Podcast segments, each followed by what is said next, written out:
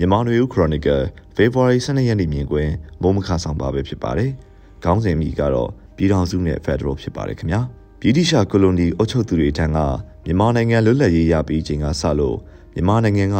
ပြည်တွင်းစစ်နုံတွေကိုစတင်ဆင်သက်ခဲ့ရတာဖြစ်ပါတယ်။ဖာစာပါလာအဖွဲ့ကြီးတွေက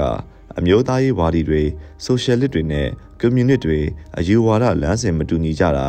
ဗြိတိရှထံကရတဲ့လွတ်လပ်ရေးကတိုက်ပွဲဝင်ပြီးရရှိတာမဟုတ်ပဲဗြိတိရှပေးတာကိုရတာဖြစ်လို့လွတ်လပ်ရေးမစစ်ဘူးဆိုတဲ့ယူဆပြောဆိုမှုတွေဒိုင်းရင်သားလူမျိုးစုတွေအပေါ်တန်းတူအခွင့်အရေးကိုပိုင်ပြထန်းခွင့်စတဲ့အာမခံချက်တွေမရရှိခြင်းအပေါ်အခြေခံပြီးပြည်တွင်းစစ်မီးကလွတ်လပ်ရေးရပြီးတစ်နှစ်အကျော်မှာပဲစတင်တောက်လောင်ခဲ့တာဖြစ်ပါတယ်။ဖာစာပါလာနဲ့အလန်နီကွန်မြူနစ်ဖာစာပါလာနဲ့အလန်ဖြူကွန်မြူနစ် ရဲဘော်ဖြူစတဲ့လက်နက်ကိုင်တိုက်ခိုက်မှုတွေကလူမျိုးစုအရေးမှာအခြေမခံကြပေမဲ့စောဘဦးကြီးခေါင်းဆောင်တဲ့ KNDO အဖွဲ့လူမျိုးကတော့ဒိုင်းရင်သားတန်းတူရေးကိုပိုင်အုပ်ချုပ်ခွင့်ရရေးကိုပိုင်ပြဋ္ဌာန်းခွင့်ရရေးတို့အပေါ်မှာအခြေခံပြီးပေါ်ထွက်လာတာဖြစ်ပါတယ်။မြန်မာနိုင်ငံရေးသမိုင်းမှာကံမကောင်းစွာပဲလွတ်လပ်ရေးနဲ့အတူပြည်တွင်းစစ်ကစတင်ပေါ်ပေါက်ခဲ့တာဖြစ်ပါတယ်။ကွန်မြူနစ်ပါတီ KNDO ရဲဘော်ဖြူစတဲ့အဖွဲ့အသီးသီးပေါ်ထွက်လာကြပြီးနောက် မြန်မာနိုင်ငံရဲ့နေမြေတော်တော်များများကိုလက်နက်ကင်အဖွဲ့အသီးသီးကသိမ်းယူချုပ်ကင်ထားကြပြီးဖာစာပါလာအစိုးရအနေနဲ့ရန်ကုန်အစိုးရလို့ဆိုရလောက်အောင်ရန်ကုန်မြို့ကိုအဓိကစိုးမိုးနိုင်တဲ့အနေအထားမျိုး1949 1950ခုနှစ်တွေမှာဖြစ်ပွားခဲ့တာဖြစ်ပါတယ်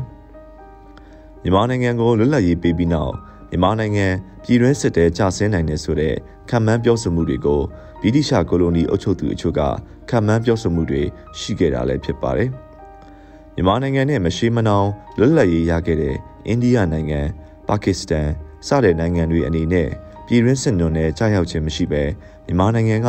ဘာကြောင့်ပြည်တွင်းစစ်တဲကြာရောက်ခဲ့ရတာလဲဆိုတဲ့မေးခွန်းလည်းရှိနိုင်ပါတယ်။မြန်မာနိုင်ငံမှာလွတ်လပ်ရေးမရခင်ကတည်းကဗြိတိရှတို့ကိုလိုနီအဖြစ်အုပ်ချုပ်ခဲ့တဲ့မြန်မာနိုင်ငံအလဲပိုင်းရခိုင်ကမ်းရိုးတန်းကချင်ပြည်နယ်တောင်တန်းဒေသစော်ဘွားတွေအုပ်ချုပ်တဲ့ရှမ်းပြည်နယ်မြန်မာဘရင်တွေရဲ့အုပ်ချုပ်မှုတကြိမ်မျှမကြရောက်ဘူးပဲတစ္ဆာခန်းလက်ဆောင်ပနာဆက်တာတဲ့အဆင့်သာရှိခဲ့ဘူးတဲ့ကရင်ဒီဒေသ ကရင်လူမျိုးတွေနေထိုင်ရာမွန်ကရင်တနင်္သာရီစတဲ့ဒေသတွေအနေနဲ့လွတ်လပ်ရေးကိုဘလို့ရယူကြမလဲဆိုတဲ့အပေါ်မှာအမြင်အမျိုးမျိုးရှိနေကြရမှာမြန်မာအမျိုးသားနိုင်ငံရေးခေါင်းဆောင်ဗိုလ်ချုပ်အောင်ဆန်းကစီယုံပြောဆိုပြီးလွတ်လပ်ရေးကိုမြန်မာပြည်မနဲ့အတူရယူဖို့သဘောတူကြောင်းလက်မှတ်ရေးထိုးခဲ့ကြရမှာတောင်တန်းဒေသလို့ခေါ်တဲ့ရှမ်းကချင်နဲ့ချင်းလူမျိုးတွေနဲ့မြန်မာနိုင်ငံရေးခေါင်းဆောင်တွေရေးထိုးပြီးဗြိတိရှားတို့ထံပေးပို့ခဲ့ကြတာဖြစ်ပါတယ်။ဒီဖြစ်ရပ်တွေက အားလုံးသိပြီးသားဖြစ်ရပ်တွေဖြစ်ပြီးဆိုလိုချင်တဲ့အချက်ကမြန်မာလွတ်လပ်ရေးရရှိစဉ်ကတည်းကပြည်မနဲ့လူမျိုးစုဒေသတွေတန်းတူရေးကိုပိုင်ပြဋ္ဌာန်းခွင့်ကိုပိုင်အုပ်ချုပ်ခွင့်ဒီချက်ပို့ဆိုရရင်ခွဲထွက်ခွင့်အထိနှုတ်အားဖြင့်အာမခံစာအားဖြင့်လက်မှတ်ရေးထိုးမှုတွေရှိခဲ့ကြတာဖြစ်ပါတယ်။ပြဿနာအကြောင်းရင်းခံကအဲ့ဒီအချိန်ကတည်းကနေရှိနေနေပြီဖြစ်က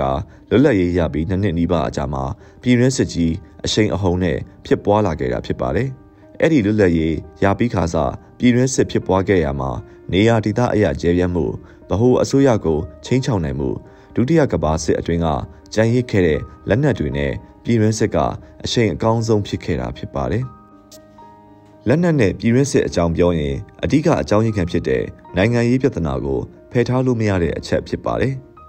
တိုင်းရင်းသားလူမျိုးစုအရေးသမိုင်းမှာတစ္ဆာခံပနာဆက်တာပြီးလွတ်လပ်စွာအုပ်ချုပ်နေထိုင်ခဲ့ကြတဲ့တိုင်းရင်းသားနယ်မြေတွေကပြည်ထောင်စုလို့ခေါ်တဲ့နိုင်ငံနဲ့တွတ်သွင်းပြီးလက်အောက်ခံတပွဲအုပ်ချုပ်ခဲ့ကြရက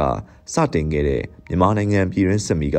ယခုအချိန်မှာစစ်အာဏာသိမ်းမှုထပ်မံဖိနှိပ်မှုတပ်ဖြတ်မှုတွေနဲ့ပြည်ရင်းစစ်မီက